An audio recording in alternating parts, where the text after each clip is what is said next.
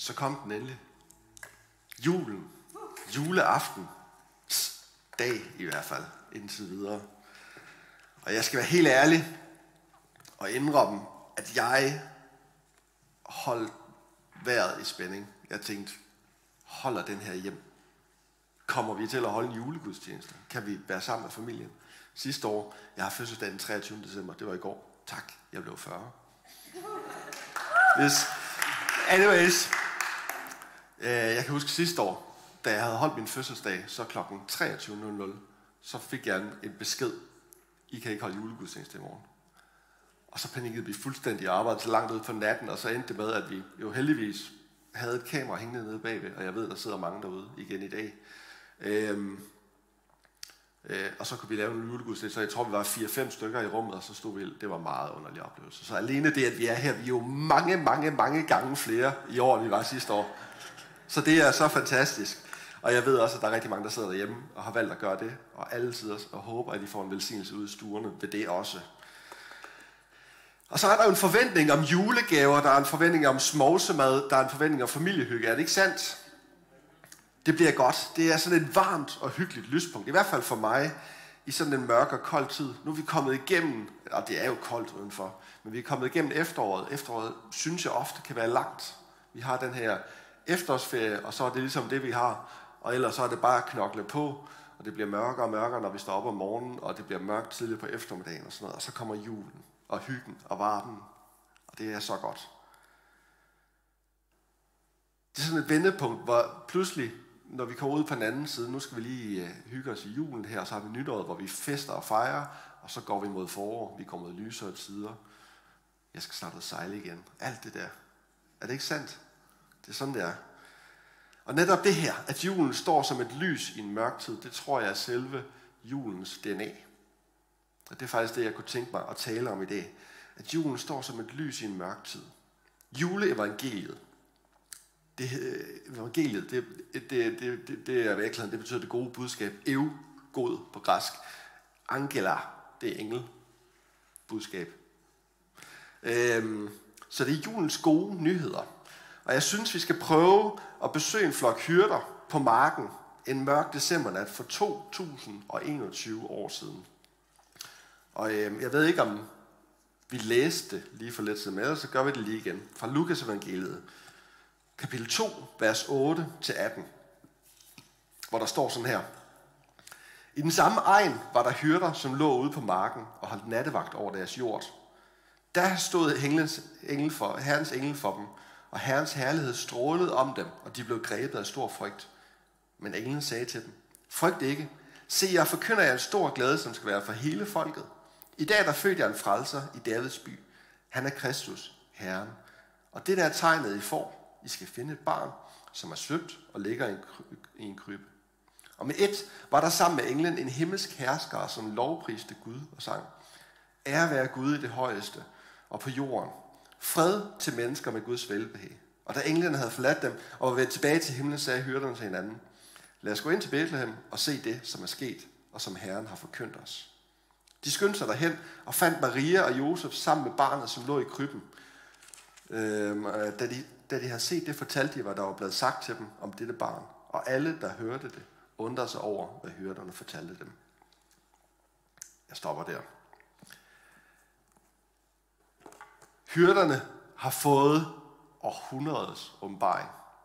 Både sådan rent billedligt, fordi man jo rent faktisk taler om, at perioden op til det her var den stille periode. Er det 400 år, 300-400 år, hvor der ikke er nogen, der har hørt noget fra Gud.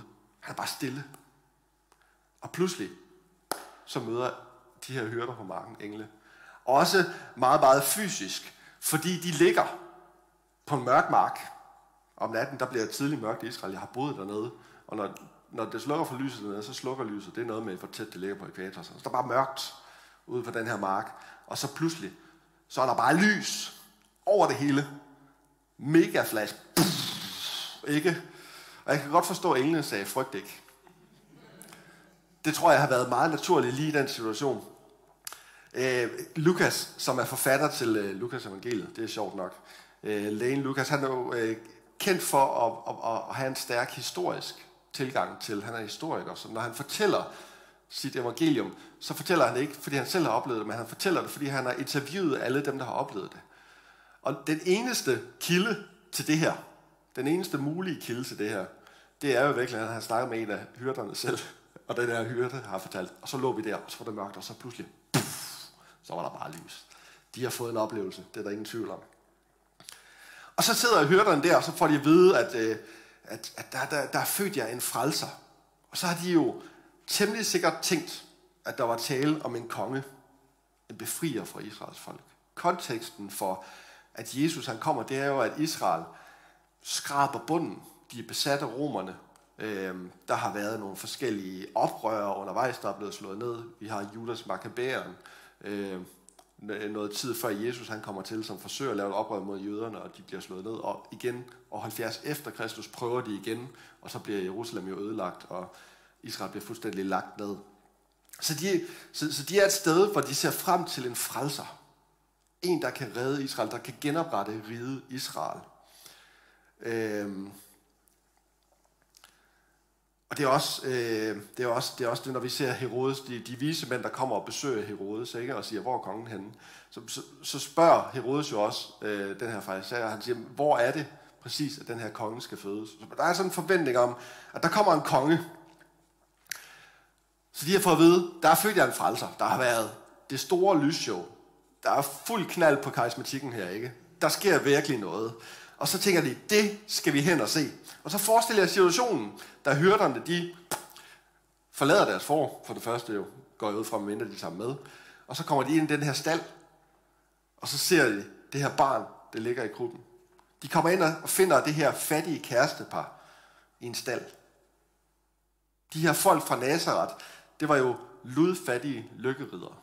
På det her tidspunkt, der var, der var, der var hele Galilea-området, det var, det, det var bundeland. Det var noget, romerne begyndte at, hvad hedder sådan noget, opdyrke. Så i virkeligheden, så var det lykkerider fra, den, fra, fra, hvad hedder det, fra Judæas bakker, der blev sendt op for at få gang i det her galæreområde, som var fuldstændig udnyttet.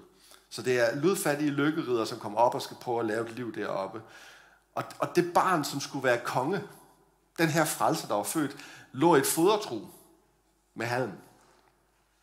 Det var det, der var. Og så står der, alle som hørte det, undrede sig. Det kan man godt forstå.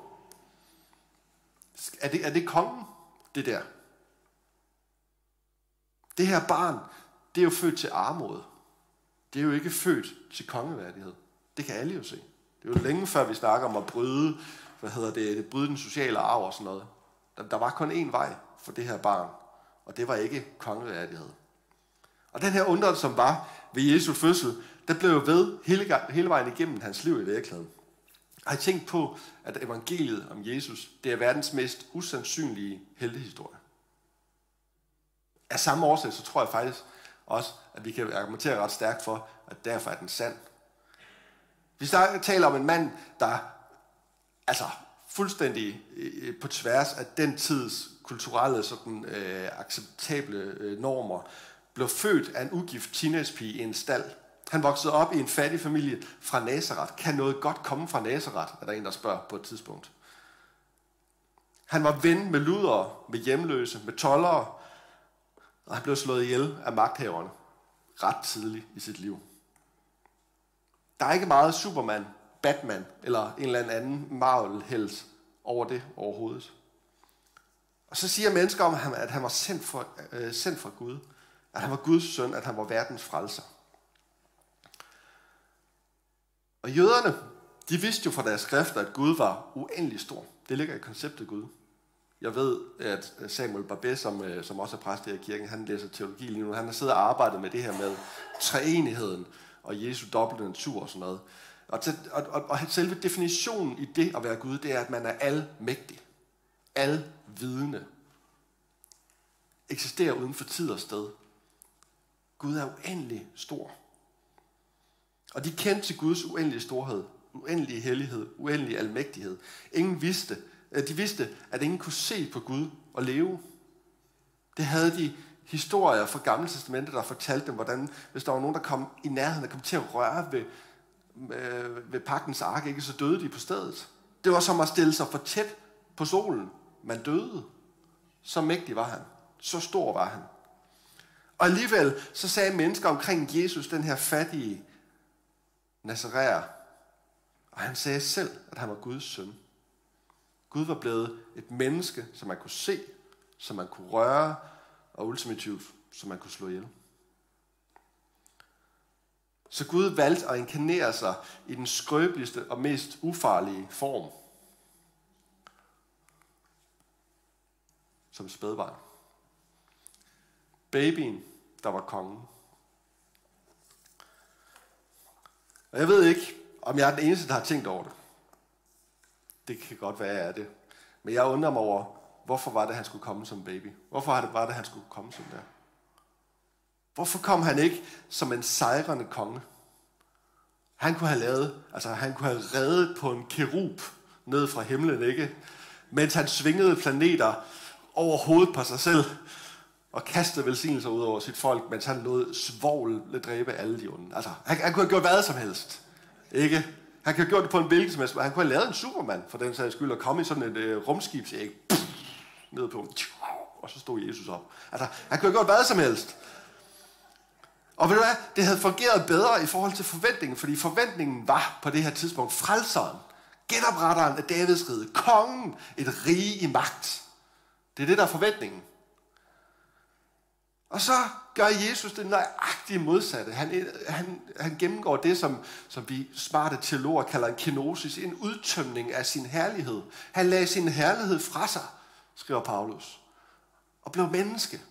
Og ikke bare blev menneske, blev baby, og ikke bare blev baby, han lod sig dø. Der var ikke mere Herrens herlighed tilbage over Jesus, da han kom til jord. Men hvorfor i alverden gjorde han det? Hvorfor gør det så besværligt for sig selv?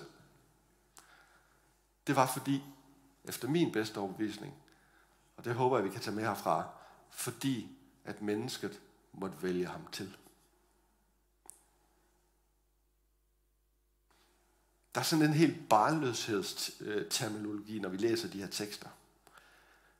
De siger, der er blevet født jer en frelser. Tillykke med barnet. Det hele starter med den barnløse Zacharias, der blev lovet en søn. Jesus selv omtaler sig selv som menneskesøn. Paulus taler, kalder ham den anden Adam. Du og jeg, alle som sidder her, jeg sidder og kigger med dem, alle i hele verden, har lige så stor aktie i Jesus, som Josef havde. Er I klar over det? Vi har lige så stor aktie i Jesus, som Josef havde, og vi må tage imod Jesus lige så meget i tro, som Josef gjorde. Og han skulle virkelig tage imod Jesus i tro. Nej, nej, nej, Maria har ikke været utro. Det er bare fordi, det er Guds søn. Okay.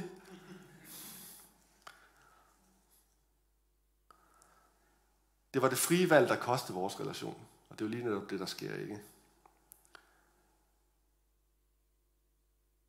Vi havde en relation med Gud. Mennesker blev skabt til at stå i relation med Gud, gik i haven. Havde den opgave at, at være spejl af ham. At mennesker kunne, altså Lidt ligesom når man laver en statue af sig selv, ikke? Så prøv at se, du ved, det er sådan, jeg er. Og mennesket var en genspejling af Gud, en, en refleksion af, hvem han var. Lad os skabe mennesket, så det ligner os. Og på et tidspunkt, så fik mennesket jo så øje på sin egen navle, og fandt ud af, at man egentlig synes, man selv var enormt spændende, ikke? Og så gik relationen tabt. Da vi fik øje på, det, hvad er bedst for mig? Nu skal du ikke handle om Gud det hele, nu skal du handle om mig. Jamen så gik relationen tabt. Herligheden gik tabt. Og hele verden, selve verdens brudhed, den grundlæggende brudhed, der er i, i verden, er bare udtrykt i Guds kalden, menneske, hvor er du? Hvor blev du af? Menneske, hvad sker der? Hvor er du? Og så har vi barnet i krybben som er Guds udrakte hånd til sin fortabte skabning. Det er ikke en mægtig store konge, som dominerer mennesker til underkastelse. Det er ikke Gud, der siger, nu skal I opføre jer ordentligt, som jeg kunne finde på at sige til mine børn. Det er faktisk ikke engang en fordelagtig alliance, som vi kan lave en cost-benefit på. Hvis vi nu du ved, er gode venner med Gud, så bliver det, går det også godt og sådan noget. Det er heller ikke det, det handler om. Jesusbarnet, det er sådan en invitation til at træde tilbage i den kærlighedsrelation, som vi blev skabt til.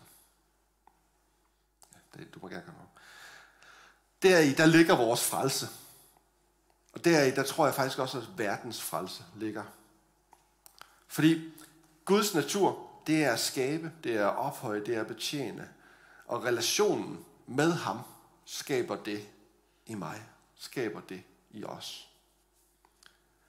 Sådan så, når vi træder ind i relationen med Jesus, så bliver vi saltkorn, eller surdej, eller små lys i en verden, som har brug for det.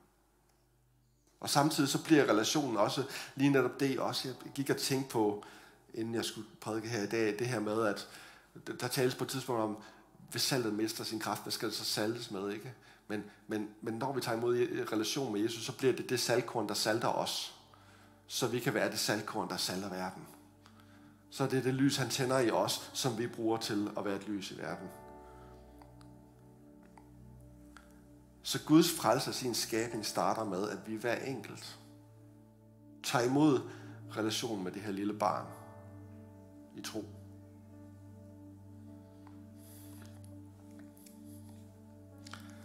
Og så står vi ellers her ved krybben sammen med hyrderne, kigger ned, og vi kigger på det her skrøbelige, nyfødte barn. Så er spørgsmålet, tror vi på, at det er kongen? Tror vi på, at det er verdens frelser? Vi har ingen torden. Vi har ingen lynel. Vi har ingen teofanier. Vi har ingen mirakler til at overbevise os. Vi har bare et lille barn, der ligger i fodertro. Og så må vores hjerte forsøge at gribe det her mirakel, at Gud er blevet menneske, så jeg kan blive frelst. At Gud er blevet menneske, sådan så jeg kan tage imod det. Ikke fordi jeg bliver tvunget til det, lade, fordi jeg har fordel af det, men fordi at Gud, himlens og jordens skaber, ønsker relation med mig. Og derfor lod sig blive så skrøbelig, som han på nogen måde kunne blive. Det er et mirakel, mit hjerte må forsøge at gribe. Og så håber jeg, at Gud, som skabte himlen og jorden, må gøre det her juleevangelie, de her julens gode nyheder levende i vores hjerter. Det er mit håb for den her jul. Rigtig glædelig jul.